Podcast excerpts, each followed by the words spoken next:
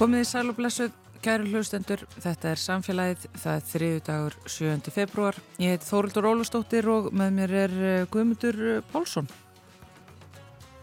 Að minnstakosti 5.000 eru látin í Tyrklandi og Sýrlandi eftir öfluga jarskjáltahrinu sem hófst aðfaranótt 7. februar og það er óttast að miklu fleiri hafi látist og mjög margir slasast. Þúsundir húsa hrundu í þessum skjáltum og björgunarfólk leggur nú allt kapp á að ná til fólks sem er fast í rústum mannvirkja. Tveir stóri skjáltar urðu, sá fyrir snemma á mánudagsmorgun 7,8 stærð og sá setni um klukkan 13.30. Sá var á stærðinni 7,5. Það mati alþjóða hilbrísmálastofnunarinnar er líklegt að skjáltandir hafi áhrif á líf um 23 miljóna manna í Tyrklandi og Sýrlandi. Við ætlum að tala um þessar hamfarir við Kristínu Jónsdóttur Jarskjáltafræðing og fá að vita betur hvað gerðist þetta. Og, og svo er eftir hópur Íslandíka sem ætlar að fljúa með flugvel landhelgiskeslunar til Tyrklands til þess að taka þátt í björgunastörfum. Já, Slísvarnafélagi Landsbjörg og Utaríkisraðunitið hófu þegar að undirbúa slíka aðstóði gær morgun Um 8-10 alþjóðlegar sveitir taka þátt í björgunar aðgerðum vegna jarskjáltana. Við ætlum að heyra meira af þessu á eftir. Og það blasir við að þessum öflugu jarskjáltum í Tyrklandi og Sýrlandi fylgir mikil neyð og það er mikilvægt að breyðast rætt við. Það hefur Rauðukrossin gert hér á landi eins og jafnan þegar slíka áföld dinja yfir. Við ætlum að tala við Alla Viðar Torstensson, hann er sviðstjóri alþjóðsviðs Rauðakrossins á Íslandi. Við ætlum svo líka að ræða um bíflugur því sjálft Evrópusambandið hefur ákveðið að það þurfi að bjarga þeim meira en það er lokþáttar en við byrjum á þéttum eh, jarðræringapakka frá Tyrklandi.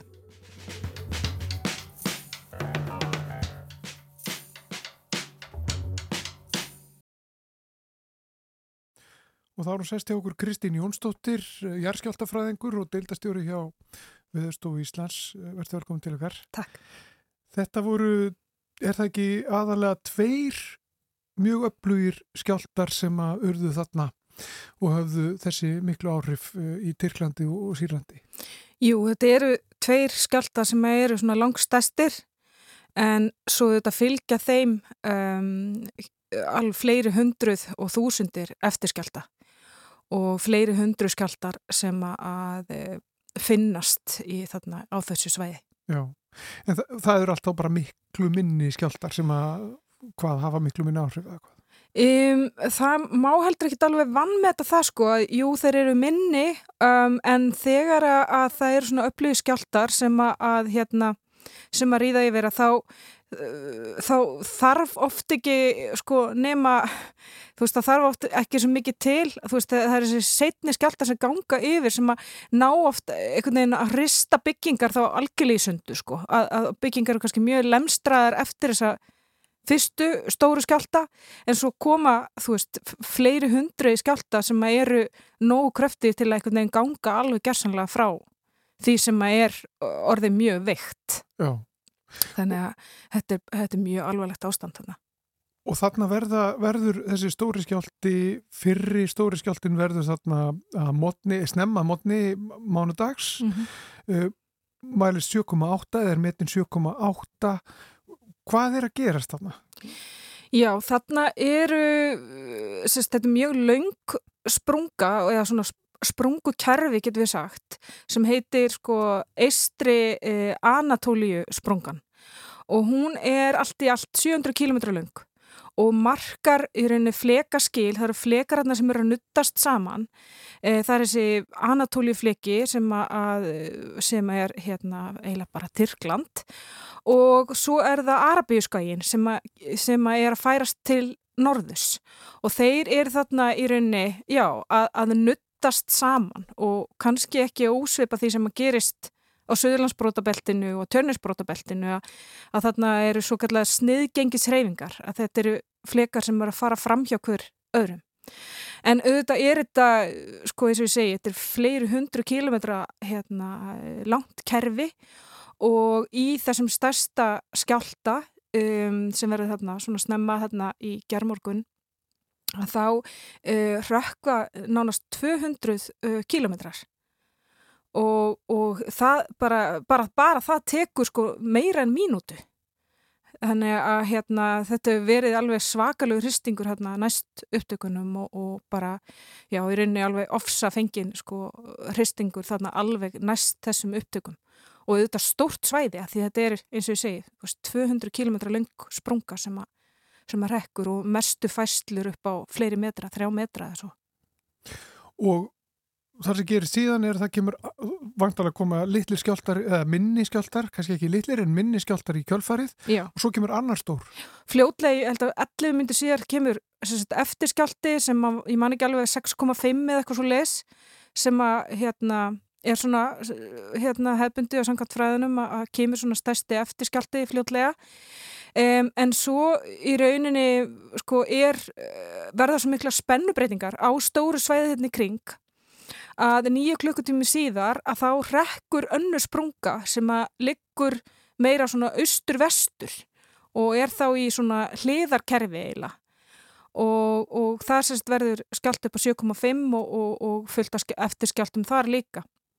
Og þetta er kannski ekki ósöp af því sem gerðist hérna árið 2000 þegar við fengum 17. júni uh, skjálta upp á 6,5 í Holtonum og svo 50 síðar uh, skjálta við Hestfjall álíka stóran að það eru svona, þú veist það eru þessar spennu breytingar sem að hérna getur, getur alveg tekið uh, einhverja daga, þú veist klukkutíma jafnvel einhverja daga uh, fyrir svona nála kerfi að í rauninni tryggarast af, af þessum hérna, miklu breytingum sem verða í jærskorpunni í kring.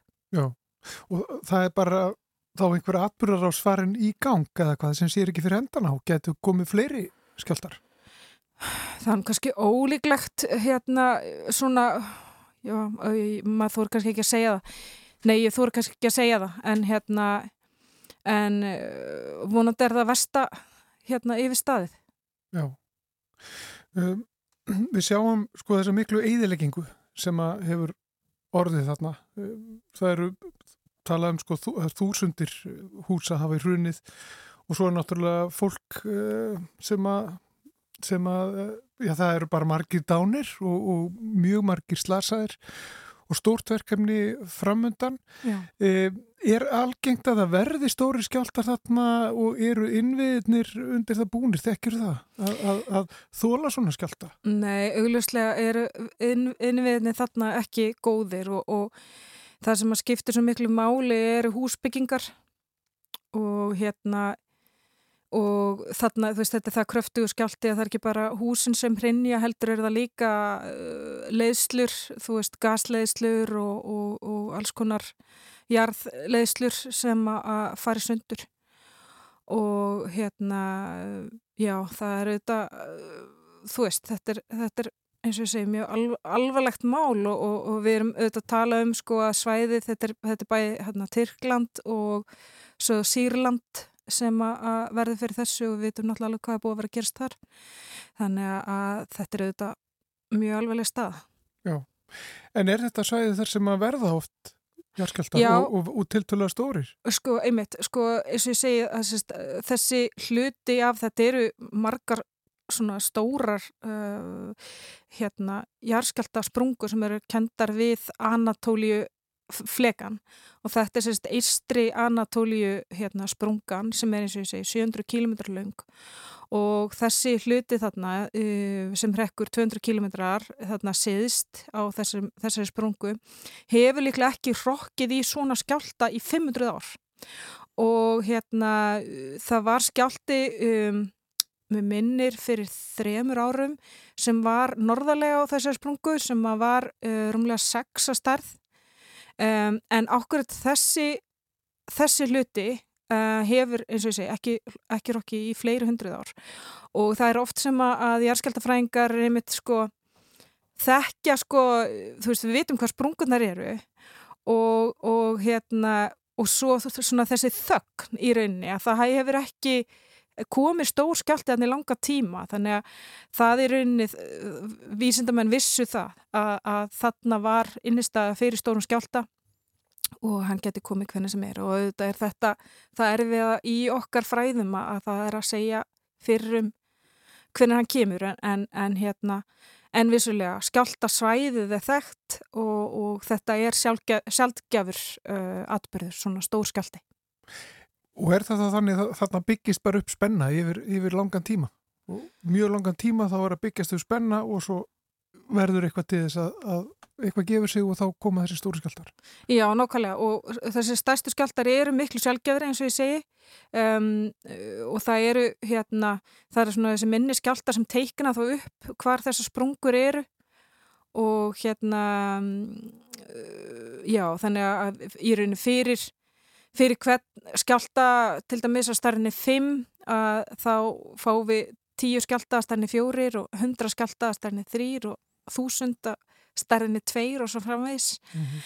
þannig að það er alltaf svo miklu miklu fleiri litli skjáltar en það hérna það er þetta svona skoða, skoða þetta minnstur og reyna átt að segja á því uh, hversu stórir uh, skjáltandi geta orðið. En svo er náttúrulega líka verið að rannsóngir á bara á þessum reyfingum og það er vita eins og þarna þá eru reyfingarnar eru, eru cirka 11 þú veist rúmlega sentimetri á ári sem þessi flekar er að færast fram hjá hverjum um, og hérna sem er þú veist, ekkit, ekkit mjög hratt eða neitt svoleiðis en, en, en það er náttúrulega bara sapnast upp Sapna, þessi spenna sapnast upp og, og eina leiðin í rauninni fyrir hanna til að losna er í svona skjáltum Má búast við fleiri, já, frekari svona jarðhæringum þá núna áfram þarna? Ég, ég spurði nú aðeins að þessu áðan en er þetta er líklegt að sko það verði einhverjar uh, hreyfingar þarna áfram, ekki kannski stórar og miklar en, en verður áhrifin áfram? Það verður verð náttúrulega hérna, eftirskjaldar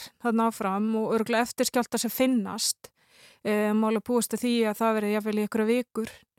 En, hérna, en við skulum vona að það, það hérna að þess að spennubreitingar hleypi ekki fleiri stórum skjaldum hann af stað en eins og ég segi þetta er, þetta er svona flókið sprungukerfi og það eru, eru margar jærskeldarsprungur sem, sem að liggja þarna í raunni eftir þessu gamla kerfi þarna, Ístri Anatóliu hérna sprungunni.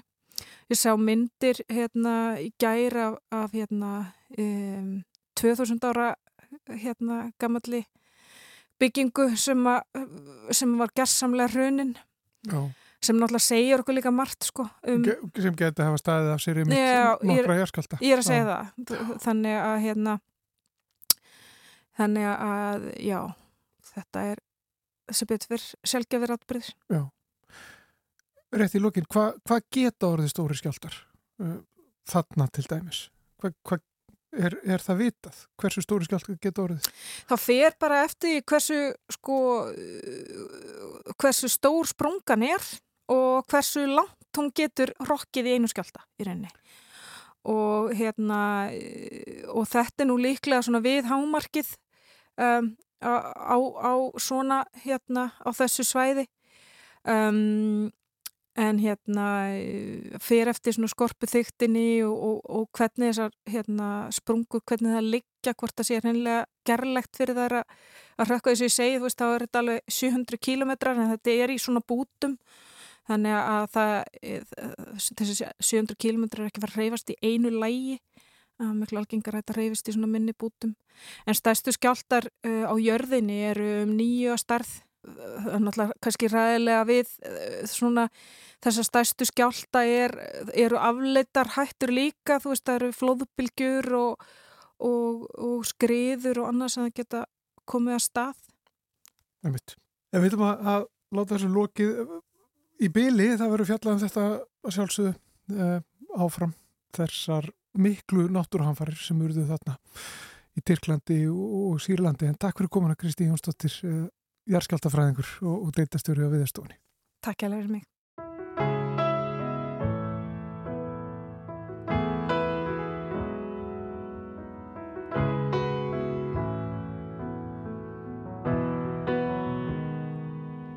Oh, they say people come, they say people go. This particular diamond was extra special. Know you might be gone, and the world may not know. Still, I see a celestial. And I should, but I can't let you go.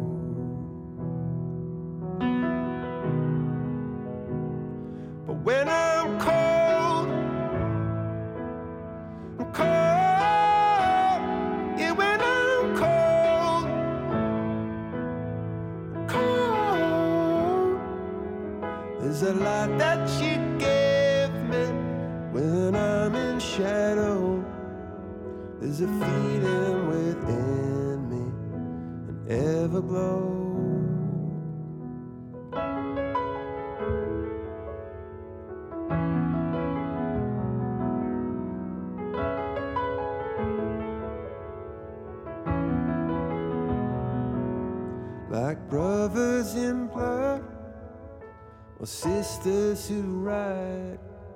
Yeah, we swore on that night we'd be friends till we died. But the changing of winds and the way waters flow, life is short as the falling of snow.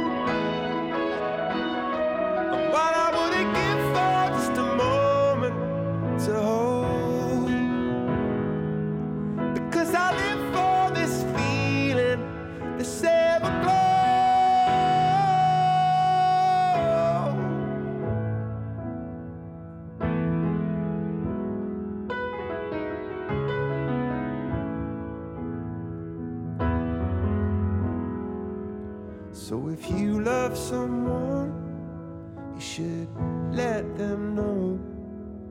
Oh, the light that you give me will ever glow.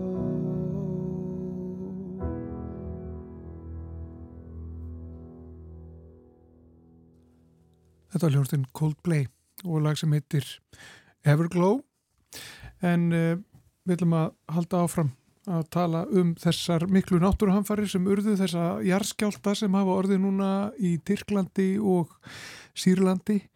Uh, hann er sestur núna hjá okkur allir við að Torstensen sem er uh, uh, sem er sviðstjóri alþjóðasviðs Rauðakrossins á Íslandi. Svo höfum það nú rétt, verður velkomin til okkar. Takk. Rauðkrossin bregst við rætt þegar svona gerist. Eh, þarna eru sko við vitum að það eru þúsundir sem hafa látist fólk er uh, grafið undir rústum. Það eru innviðir þarna sem eru í mólum eftir, eftir þessar miklu hamfarir. Rauðkrossin bregst við eins og, eins og við þekkjum að, gerist þegar, svona ástand skapast. Það er komin söfnun í gang bara alveg um leið neðarsöfnun Já, það er rétt. Þessu hörmungar sem að er að ganga yfir bæði í Tyrklandi og Sýrlandi eru eiginlega ólýsanlegar og þrátt fyrir að maður liggja við fréttamiðlum og, og tala við kollega í Rauðakrossunum og ég er bara nýkomin að fundi með kollegum okkar í sýrlenska Rauða Halmannunum og Tyrkneska og, og fleiri kollegum, þá er eiginlega ekki hægt að ímynda sér þessar hörmungar. Við sjáum myndir af föllnum byggingum en hamfara svæði er svo stórt. Þetta nær svo víða og það er svo margi sem hafa orði fyrir barðina á þessum skjálta að það er eiginlega bara erfitt að ímynda sér sko hvernig á að bregðast við en, en auðvitað gera allir sitt besta en aðgengi er víða mjög erfitt. Og til dæmis í, svona, á dreifbílari svæðum bæði í Tyrklandi og í Sýrlandi er kannski fáir viðbrasaðlar sem hafa komið stað til þessa, vegir eru lokaðir. Þannig að hjálpastarf þó að sé fullu gangi, þá er mikið verk eftir óunnið og verður það á næstu vikum að mánum að árum jafnvel. Og hvert er hlutverk eh, Rauðakrossins og Rauðahálmannars á þessu, þessum svæðum þegar þetta verður? Man kannski bara segja þessi svolítið svipað eins og Íslandi. Á Íslandi er Rauðakrossinu og Íslandi hluti af almannavarnakerfinu hér og það sama á við í Tyrklandi og í Sýrlandi. Bæði landsfélaginu eru leiðandi að það kemur að þessu hjálpastarfi. Þau taka þátt bæði í leita björgun og þau koma inn eins og bara núna á báðum stöðum eru miklu vetrakuldar. Það skjálfni kemur ofan í bara mikla kulda sem hafa geisaði vettur og svo getur við aðeins tala um Sýrlandu eftir ofan í flera þar. Það er að koma inn með helbriðsastöð, uh, fyrstu hjálp eða skyndihjálp, sálurannan stuðning að þarna er fólk rætt, það er óttastleið, það er búið upplifast að skjálta, það eru flúður húsónið sínum sem að, uh, eru mikið skemmt og náttúrulega mörg runin og þóra ekki aftur inn. Þannig að það eru mörg hundru þúsund manns bara á götunni á báðum, í báðum regionum þannig að það er rauði hálmannin að koma inn með tjöld uh, teppi svepphoka þau eru með reysa stór súpu eldhús til að bjóða að hitta máltið fyrir fólki sem er á götunni.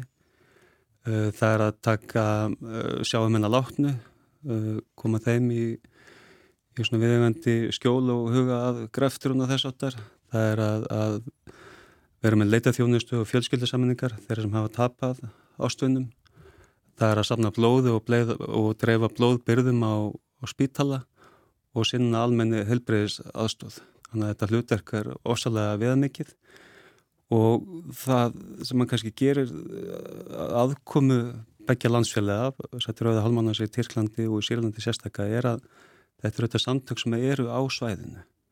Þannig að fljótlega eftir skjáltan í Tyrklandi þá eru komnir 1000-2000 sjálfbóðlegar og starfsmenn á vettvang og strax byrjuði að vinna að því að, að bjarga fólki og hlúa þeim sem að komist lífs af og, og, og reyna að koma böndum á ástandiðum orða þannig að því að panikið er svo mikið, það er svo mikið til ótti og þá skiptar ofsalega máli að fá fólk sem að kann uh, salarvæg stuðning, veta hóp handlæslu, tala við fólk og reyna að róa ástandi þannig að verða ekki bara en verða fyrir vikið.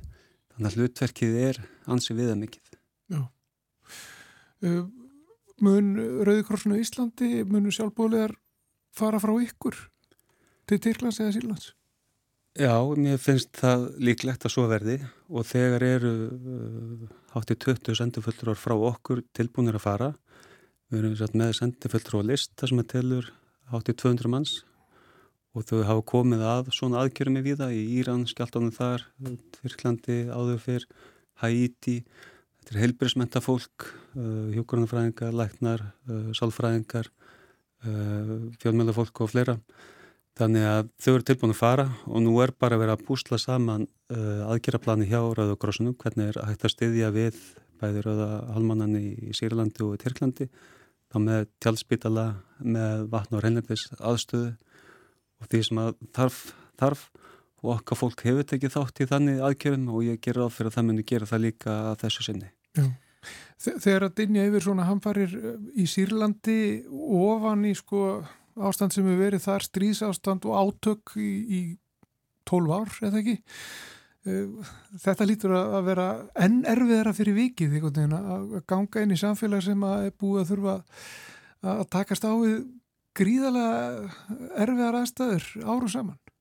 Já, það er rétt og þegar að vorum að tala við kollugakkar frá sýrilenska halmannum þá eila vissum maður ekki hvað maður ætti að hugsa að segja að gera að því að það er rétt að Sýrlandi er búin að ganga í gegnum átök í 12 ár og þó að átökjum séu minni núna en, en oft áður þá eru allir innviðir í Sýrlandi í mólum og þessar borgi sem örðu harðast úti í skjáltunum Aleppo, Hama, uh, Latakia og eh, einn til sem er dótt út um eitthvað heitir þar eru innviðir í rústi. Heilbreyðsastóði er mjög takmörkuð, liv og lækningabúna er engin það er aðmagn í 1-2 tíma á dag þrjá, það er bestlætur það elsneti er bara nánast uppurið í landinu ofinni þetta er auðvitað þessi miklu vetrarkuldar sem er myndist af áðan og viðskiptabann. Þannig að aðfengt til Sýrlands eru að mjög skorninskamti og þetta gerir auðvitað allt hjálparstarf gríðarlega erfitt og flókið bæði í undirbúningi, skipalækningu og svo í framkvæmt.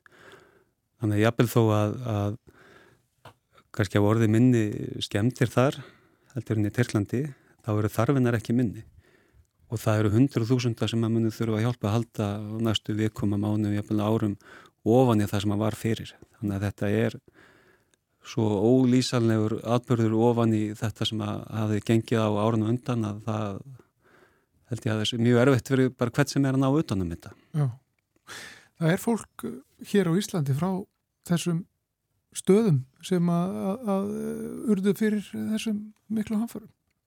Já, bæði hafa þetta fjölmarkir íslendika farið til Tyrklands og verið þarna jafnvel í grend við þessi skjáltasvæði, það sem eru, verið sem ég sælði ferramannastæðir ekkert land fara á.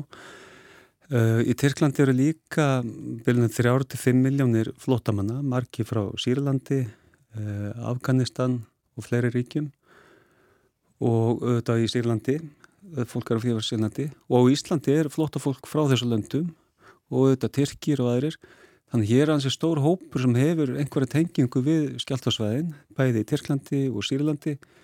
Við höfum fundið fyrir uh, óta og örvættingu í þessum hópi og við erum að skoða hvernig við getum komið til móts við þennan hóp hér heima, bæði með upplýsingagjöf og einhverju hagnýttir aðstofið að hafa upp á ættingum og svo framvegis og mögulega veita eitthvað sálarnar stuðning ef við getum. Erum svona kortleikja þá að reyna að koma til móts Já. við hópinu. Já, þannig að Rauðkrossin uh, gerir allt sem að getur í rauninni þegar svona aðstæða kom upp. Já, okkar starf er bara undirlagt á þessu og samlega sinna mörgum öðru vettungum verkefnum og mér langar ég má að minnast á neyðarsöfnun Rauðkrossins sem að hófst í gær og hefur farið vel að og mér langar til að hvetja þá sem að geta að láta að leggja sitt að mörgum með því að senda SMS hjálp í númerið 1900 leggja þannig 2900 krónur til hjálparstafsins sem nýtist vel á vettfangi og frekar upplýsingar um söfnunum að maður finna á heimasíðu Rauðugrósins, rauðugrósin.is Já. E, Bara rétt að lókum við ætlum að eftir að tala við e, fulltrúa Slísvarnafélagsins landsbjargar. Var, þar var brúðist við og og eh, fer hópur Íslendinga bara núna á eftir eh, flígu til Tyrklands og, ætlar að, að leggja sétta mörgum eh, við, við Björgun um, á, á stanum um, og þetta er svona, það er að tala um sko, ég held að séu 8-10 uh, alþjóðlega sveitir sem eru núna farnar af staði eða að fara af stað Um, þetta er það sem gerist líka við svona aðstæður, það fólk býður fram aðstóð og, og það er kallað eftir aðstóð við það Já, það er rétt og það er frábært að heyra að Ísland sé að senda fólk á vettvang. Það er mjög gott, en mér langar til að líka minnast á veitt að þegar að við upplöfum Suðlandskjáltan á Íslandi 2008 þá fengum við í Rauðakorsunum uh, fyrirspurt frá tyrkneska Rauða Halmannunum hvernig aðstæðir væri á Íslandi og hvað þau getur gert til að hjálpa okkur og hvort okkur vanta ekki tjöld og búnað fyrir þá fólk sem er orðið heimilislaust á Íslandi. Þannig að það er frábært að sjá hvað samstæðan er mikil þegar svona hamfarið dinja yfir að því að hjálp er bara samtryggingar kerfi. Við hjálpum öðrum þegar þau þurfum að halda og aðri hjálpa okkur þegar við þurfum að, að halda. Já, Tyrkir og bóðinur og búir að hjálpa okkur þarna í sögulegsskjáltunum þannig að það Já. er bara um að gera að launa þeim greiðan í þeim erfleiku sem að þau standa fram með fyrir úr sírlendinga núna. Þú ljúka þessu svona. Allir við þar Torstensen Sviðstjóri, Alþjóðsviðs Rauðakrossins á Íslandi. Takk fyrir þetta og gangi ykkur vel. Takk. Í djúbu tjörninni á þínum augasteinum Speikla ég sjálfa mig Tek af mig ljósmyndir Reyni að skilja þig Ég býð þér göngutúr í minna skóarjóri Löfblöð alheims míns falla trjánum úr og eru gul og brún, gul og brún.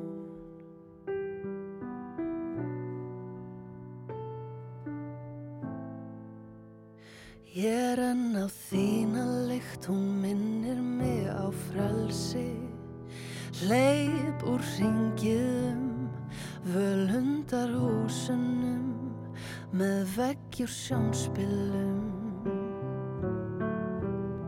Og svarta himna umslag með frímerki úr mána fylltum mína skál af þínu tónsljósi sem ég get dregt mér í dregt mér í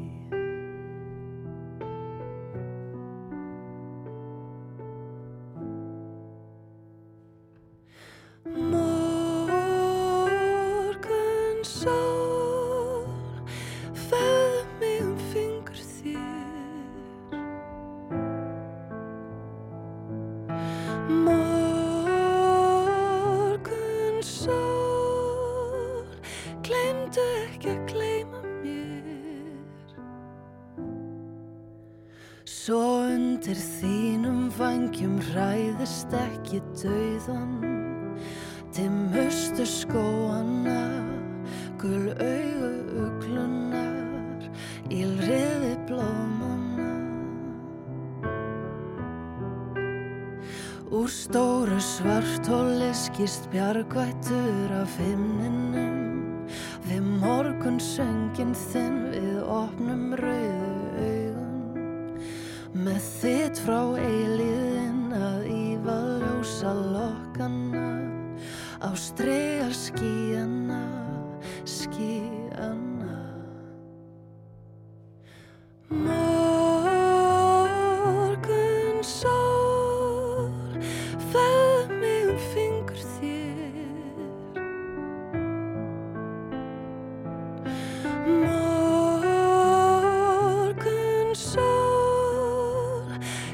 Þartu ekki að gleima mér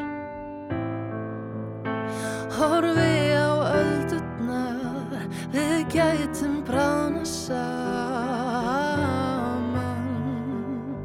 mm. Brótsjór vonar Hinn að skóla styr mig Og hrinsar ég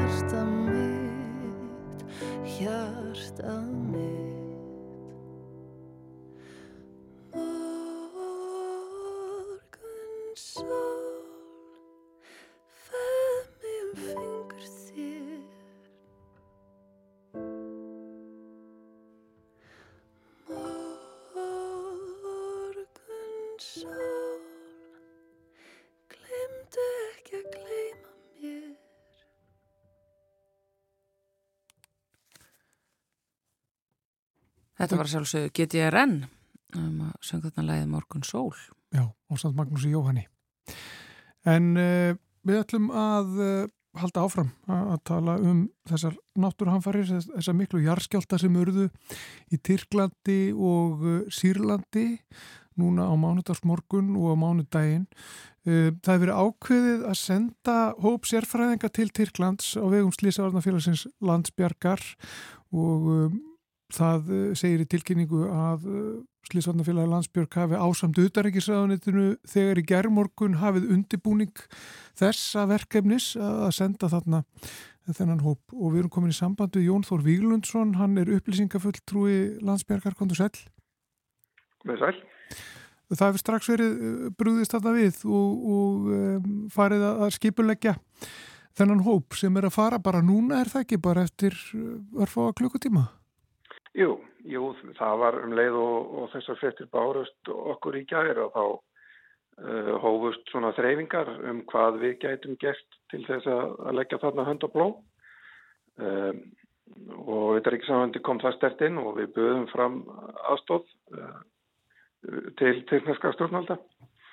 Og uh, síðan tók þessi diplomásía eitthvað tíma í, í gæri en kannski stæsti eh, þróskuldurinn var fyrst og fremst bara að ferða áallunin því að bæði var veðurspáin ekki okkur hagstæð og er okkur ekki enn veðrið.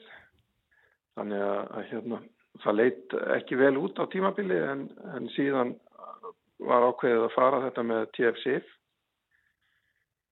Já. og það stendur til hún, hún var reyndar ekki alveg tilbúin í, í gæri vegna eitthvað smávelis viðhald en er það núna en núna er veðrið að stríða okkur. Já, þannig að það er beðið eftir því að, að veður batni. Já, þessi lag sem að var að, að ganga yfir landið í, í morgun Eh, hún kvarf ekkert þegar hún fór austur af landinu, hún heldur áfram bara austur í áttað Evrópu og, og, og gerir þessari flugvél erfitt fyrir. Eh, það, eh, hún allavega er verið að skoða það núna hvaða áhrif þetta veður hefur. Mm -hmm. Og það er TFC... Það senkar eitthvað brotur. Já, og það er TFC sem við höfum nú talað mikið um uh, undafarið sem að já, já. mun þarna flytja þennan hóp Já. íslenska sérfræðinga á, á, á ykkar vegum landsbergar. Já. Hvernig er þessi hópur settur saman? Hann er fyrst og hefst settur saman af fólki sem að, að hefur reynslu að koma af samhæfingu og stjórnun uh, svona að gera. Uh, Leitói hópsins Solveig Þorðarsóltir var meðal annars á æfingu í Tyrklandi síðast á höst þar sem að æfð voru viðbröð við hamförum líkt á þessum Þannig að hún er vel undirbúin fyrir að fara inn í þessar aðstæður. Þarna streyma að Erlend hjálpanlið og allþjóða samstarfið er að setja upp samhæfingastöðvar til þess að ná einhverju svona utanamhaldi og samræma aðgerðis. Okkar hlutverk er fyrst og fremst að vera þáttakandi í því. Við erum ekki að senda fólk til þess að skrýða inn í húsarústir eða annað slikt. Fyrst og fremst samhæfingu og svo uh, svona eftirlit eða segja upplýsingaöflun á, á vettvangi. Já. Það má búast við því að sko þetta er náttúrulega mikil eðilegging sem eru orðið þarna og það eru mörg eh, mannslíf sem hafa tapast e, mjög margir eru, eru slasaðir og þessi björgunar störf og þessa aðgerir munu taka mjög langan tíma getur maður ímynda sér og, og þetta er stórt svæði Eh, sem er undir. Er, er þessi hópur, mun hann vera þarna lengi? Er það vitað hversu langan tíma íslenski hópurinn á vegum landsbergar mun, mun vera þarna með störf?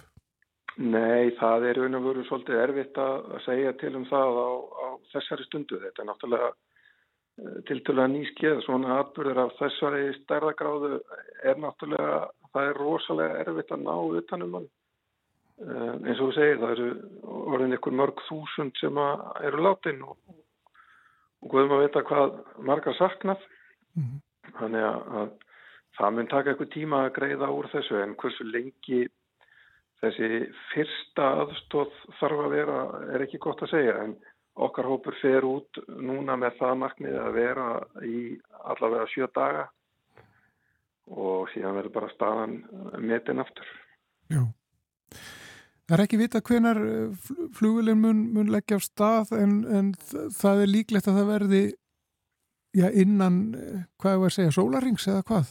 Já, já, já, það, já, já það, eins og staðin er núna þá er þetta veður sem var að stríða okkur hér í morgun á leið bara austur yfir og, og hérna mér skilst að, að það sé þannig að það sé erfitt fyrir þessa flugvel að klifra yfir það. Mm -hmm. Þannig að, að það er bara aðeins að hingra eftir að þessi lagð þóki sér austar og, og grinnist og þá verður farið að stað um og, og það er í lei. Já. Einmitta, takk fyrir þetta spjall Jón Þór Vílundsson, upplýsingafulltrúi Slísvarnafélagsins landsbjargar við sendum bestu kveðjur til ykkar og uh, gangi ykkur allt í hægin. Takk fyrir það. Takk.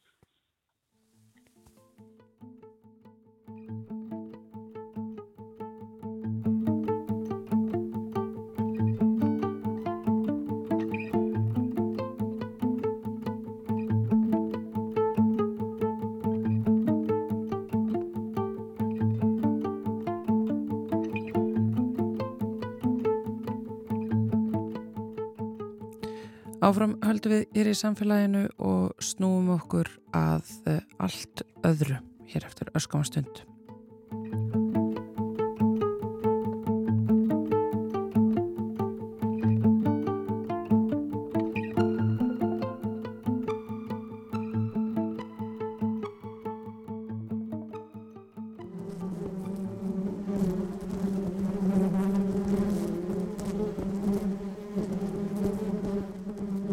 Við ætlum að tala um bíflugur en þær, eins og svo sem margar aðrar tegundir frjópera, eiga tölvert undir höggað sækja. Og nú fyrir skemstu þá tilkynnti Evrópusambandið að öll aðaldaríkin ættu að grípa til aðgerða. Ég er því komin hingað í heimsók til Tómasar Óskars Guðjónssonar sem er lífræðingur og bíflugnabondi. Sæl Tómas. Já, hvað er sæl? Sko þú kannski byrjar á að útskýra aðeins fyrir okkur já, hvaða er sem að ógnar þessum vinalögu flugum og, og félögum hennar? Já, menn hafa hún eiginlega verið, verið að spá í þetta bara í fjölmörg ár og menn er ekki bara alveg sammal um það.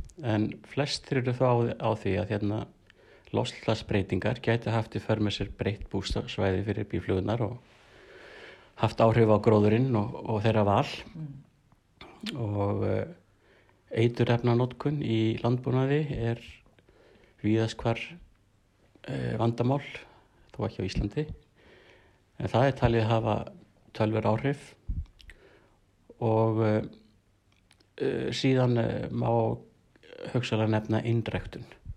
Það er að segja að menn eru kannski með risastór svæði það sem er rækta nákvæmlega sömu plantuna og þetta, semst, þetta einhafa úrval sem að flugunar hafa úr að velja að sem er telja að það geti haft áhrif á, á þær. Og er það þá þannig að stopnin, já, bíflugnastofnin, að bíflugunum hefur fælkað svona rosalega mikið? Er ekki alltaf alltaf erfitt að telja dýr, skortýr eins og bíflugur? Jú, vissulega, en ég held að við sem fyrst og fremst að tala um sko alibíflugur. Um, bíflugur, ef maður talar almennt um bíflugur, þá er það, það má segja að séu þrjár típur. Það er, það er semst, þessi alibífluga eins og við erum með hérna á Íslandi. Mm sem er ekki til vilt, hún er bara til sem hústýr uh, síðan er til viltabíflugur og, og flestar mynda það er ekki bú eins og alibíflugan heldur er það er svona hálfgerði einirkjar mm. og það eru kannski um 800 tegundir til í heiminum og eiginlega ég segi ekki allan en lang, lang flestar eru svona einirkjar mm. og það eru náttúrulega frjópara líka og síðan eru þessar humlur sem við köllum, köllum hérna hjónasflug og köllum enn. Það er nokkura típu til að því á Íslandi og það eru uh, góði fyrir að bæra líka. Og síðan er það geitungar. Yeah. það eru þeir tellisti bíflugna líka. Þetta eru rauninni æðvængjur með sting. Þannig að hvernflugan hjá öllum sem tegundum hún getur stungið. Og, og stingurinn er rauninni bara bundið við hvernfluguna vegna þess að vegna þess að uh, stingurinn er rauninni bara varpýpa flugunar þannig að kallanir get ekki stungið hjá þessum tegundum Já, þannig að... Þetta er þá ymmit. Nú tala maður náttúrulega, sko, þegar maður talar um bíflugur, auðvitað er maður náttúrulega að mála þetta mjög breiðum strókum eins og þú segir. Þetta er náttúrulega ofsalega marga tegundur og, og ólíkar og, og þarframtu göttunum. En, auðvitað meira, sko, að þá að fækka þá út af loftlagsbreytingum og, og bara því hvernig við höfum ræktað upp land, eins og til dæmis með eituröfnum, þá er það greinilega, sko, farið að hafa sjáanlegar og, og, og fjárhagslegar afleðingar fyrst að eitthvað apparat eins og Evrópusambandið er bara búið að vaða inn í málið. Já, gríðarlega er hagsmunur í húfi og, og það, þeim hefur áberandi fækkað í bandaríkjónum og Evrópu og þetta náttúrulega veldur mennum ágjum menn rekt ekki eins mikið af matvælum fyrir fólk. Þannig að ég held að það sé nú aðalkvætin að, að, að grípa inn í. Já. En, veist af því að það kemur þessi tilskipun uh, þarna frá Brussel til þess að bjarga bíflugunum til öll aðeldaríkin eða grípa til aðgerða hvaða aðgerðir eru það eiginlega sem að þessi ríki eigi þá að fara í til þess að bjarga bíflugum og frjópirum Já það er nú það. Ég held að hvert og eitt ríki þurfa að finna út úr sínum aðstæðum og sjá hvað hægt er að gera. Er hægt að hafa fjölbreyttari ræktun til dæmis. Uh, uh, ég nefni bara sem dæmi að því ég var að segja á þann frá þessum risastóru ögrum af ykkur einni plöndu bíflugur eru þannig að þær sækja alltaf í þess besta sem er í vali hverju sinni. Þannig að ef, ef þú hefur bara eina tegund og hún blómstrar kannski þessa vikuna eða vikurnar og síðan gefur hann ekkert mikið af sér þess fyrir utan. Og, og en bíflugur eru samt að hjakka í því að sækja í þessu plöntu vegna þess að það er lítið hann að velja. Þær sækja bara kannski fjóra kílometra radíus út frá sínu búi. Og síðan er það bara úrval þeirra fæðu úrval bara búið þannig að það er hugsanlega hægt að brjóta þetta eitthvað upp og rækta aðra tegundir. Ég segi nú bara rauðsmára til þess að segja eitthvað sem gefur bæði vel af, af uh, blómarsafa og frjókonum sem að fluguna þurfa. Já. þannig að það er ein hugmyndin að, að brjóta þetta aðeins svoleiðis upp. Sem er náttúrulega algjörlega breytir framlöslu hættir til dæmis mjög víða í Evrópu þar er þetta fyrirkomulag uh, svo mikið við líði veist, bara margir hektarar og túlípanna breyðum í Hollandi og, og, og, og síðan appelsínu ræktun í, í, í Spáni þetta er, þetta er alltaf allt, bara sama landsæðið undir eitthvað eitt Já. bara mikil ræktun á einu Já, já, það er bara hárættiður. Þannig ef að, ef að hérna, bíflugnastofnun hnignar það mikið, þá eru ávastinir ekki í eins ríkulegu frambúði til okkar eins og áður. Þá blómstra vissulega ávasta trén, þau mynda blóm, en hins vegar ef það er engi til að frjóka eh, plantuna eða trén, að þá fölna bara blómin og það kemur engin ávastur. ekkert án bíflugna Nei, ég er bara alveg sammálaðir. Sko, þetta er nefnilega svo aðteklisvert hérna, þetta með aftur þetta engripp Evrópusambassins eh, inn, inn í þessar eh, aðstæður og aðstæðjandi hættu bíflugnuna og eh, sko þau hjá, í Brussel eru meiri segja búin að sko að reikna út um, hvað það er sem að bíflugur skila til Evróps landbúnaðar. Og, og þeir segja að þetta séu næstu því 800 miljardar íslenskar króna sem að bíflugur og frjóbyrar uh, setji inn í evróskan landbúnað þetta er bara fáraleg uppæð er, það, er þá bíflugan bara búin að vera eins og ókeppis vinnuafl uh, fyrir alla ræktendur í, í álfunni Já, ég er, sko, ég er náttúrulega lífræðingur, þannig ég er ekkert svo mikið að hugsa um peningan í þessu. Nei. En hins vegar, sko, ef að við missum þessara frjóbera, og nú tek ég fram að bíflugunar eru ekki einu nei. í náttúrunni, en, en ef við missum þessa frjóbera, þá missum við svo mikið okkar nýtja júrtum. Og segjum bara bíflugunar myndi að hverfa alveg. Þá er ekkert mjög langt í að, að það verði dálítið runn í bara stofni mannsins. Það er líða ekki mjög mörg ár hanga til. Það er bara er ekki nægt fræðu frambóð til þess að til þess að halda upp í þessum fjölda sem bara jörðinu núna. Já, allt í lagi. Þannig að maður hugsa þetta kannski meir út frá þeim fórsendum heldur en akkurat peningunum. Já, já, já, auðvitað, ég meina þetta er náttúrulega, sko þó svo að Evrópu sambandi hafi þýtt þetta yfir einhverjar upphæðir sem að vissulega náttúrulega sömur skilja bara, Já. geta bara talaði peningum, Nákvæmlega. en þá er hvernig sem á þið er litið, þá hvort þú ert upptekinn af peningum eða bara því að lifa af og um afkomi mannkins að þá þarf bíflugun að vera með. Já, já. Þetta er, þetta er svo leys. Hvort viltu fá peningana fyrst eða, eða matinn. Já. En aðeins að við spáum meira í þetta, að þegar nú er náttúrulega Ísland ekki hluti að ESB, en við náttúrulega vissulega tökum mjög gerðan upp tilskipanir þaðan, stundum náttúrulega með breyttu sniði. Er þetta eitthvað sem við ættum að taka upp og kíkja á þessa bíflugutilskipum Európusambassins? Sko, Ísland öruglega tekur þetta upp þó við þurfum þess ekki beint. En, en sko Ísland, ef við hugsaum bara um bíflugur, uh, þetta litla svið, þá hérna, þá eru bíflugur bara á mörkunum að geta lífað á Íslandi. Allan að ali bíflugur. Þannig að þetta er ekki stunda sem landbúnaður á Íslandi, þetta er engöngu sem tómsutagaman. Þannig að það er enginn að fara að lifa bíflugnafrækt á Íslandi eins og lofslagsmálun eru núna. Þannig að það er bara pingu afreg hjá bíbændum að geta haldið, haldið þessu gangandi. Þannig að við erum að því stíi á Íslandi. Já. En að því sögðu, ef að þú vilt alveg sérstaklega blómlegan garð heima hjá þér, þá hjálpar það þessu bíflugur í honum líka.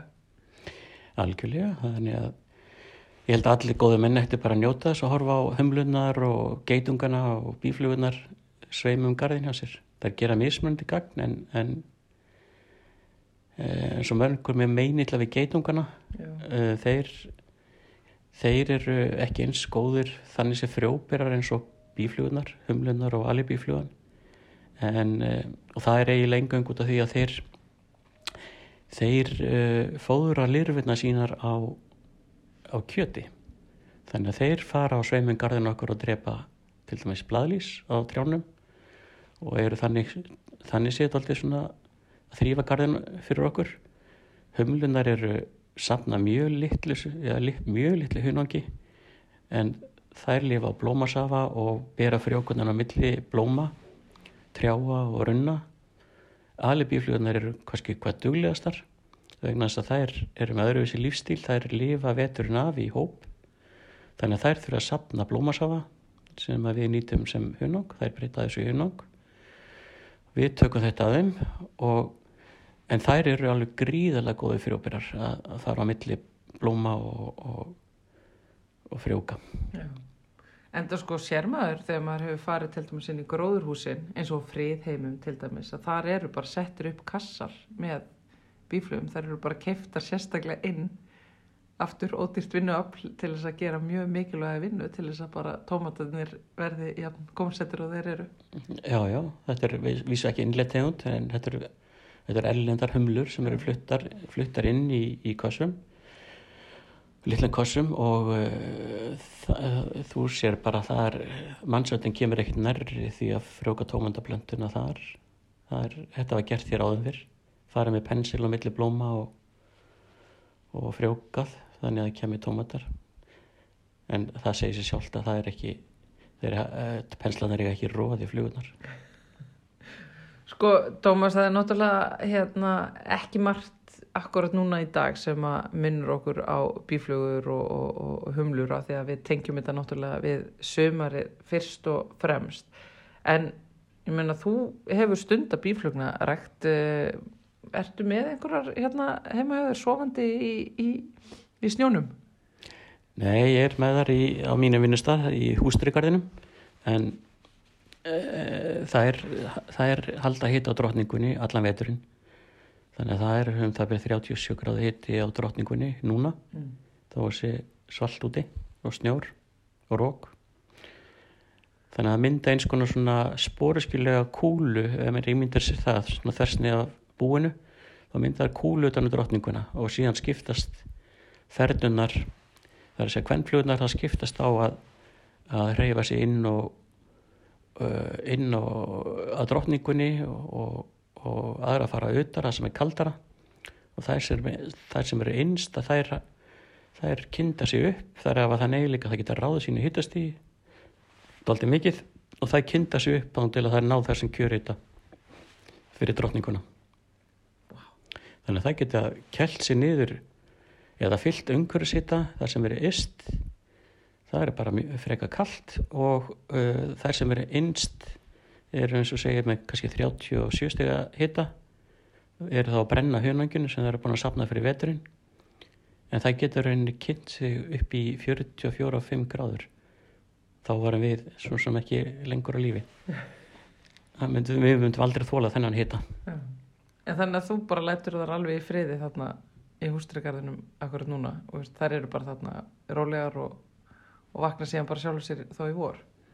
Já, já, þær eru bara svona hálfsóandi skulum við segja, ekki, það er ekki dvala en það er nú eiginlega regla að maður er ekki mikið að vætast í búinu á veitunar. Maður móka kannski frá því og ef maður hefur verulega rákjur þá kannski kíkja maður einu svona ofan í til þess að aðtöða hvert að segja allt er sómanum annars lætum maður þær í friði Hljómar er svo algjörlega frábært dýr til þess að halda Já, ég held að það sé mjög gott fyrir alla svona gamlingi eins og mig að halda bíflugur þetta er eins og að hafa fiskabúr fyrir augunum.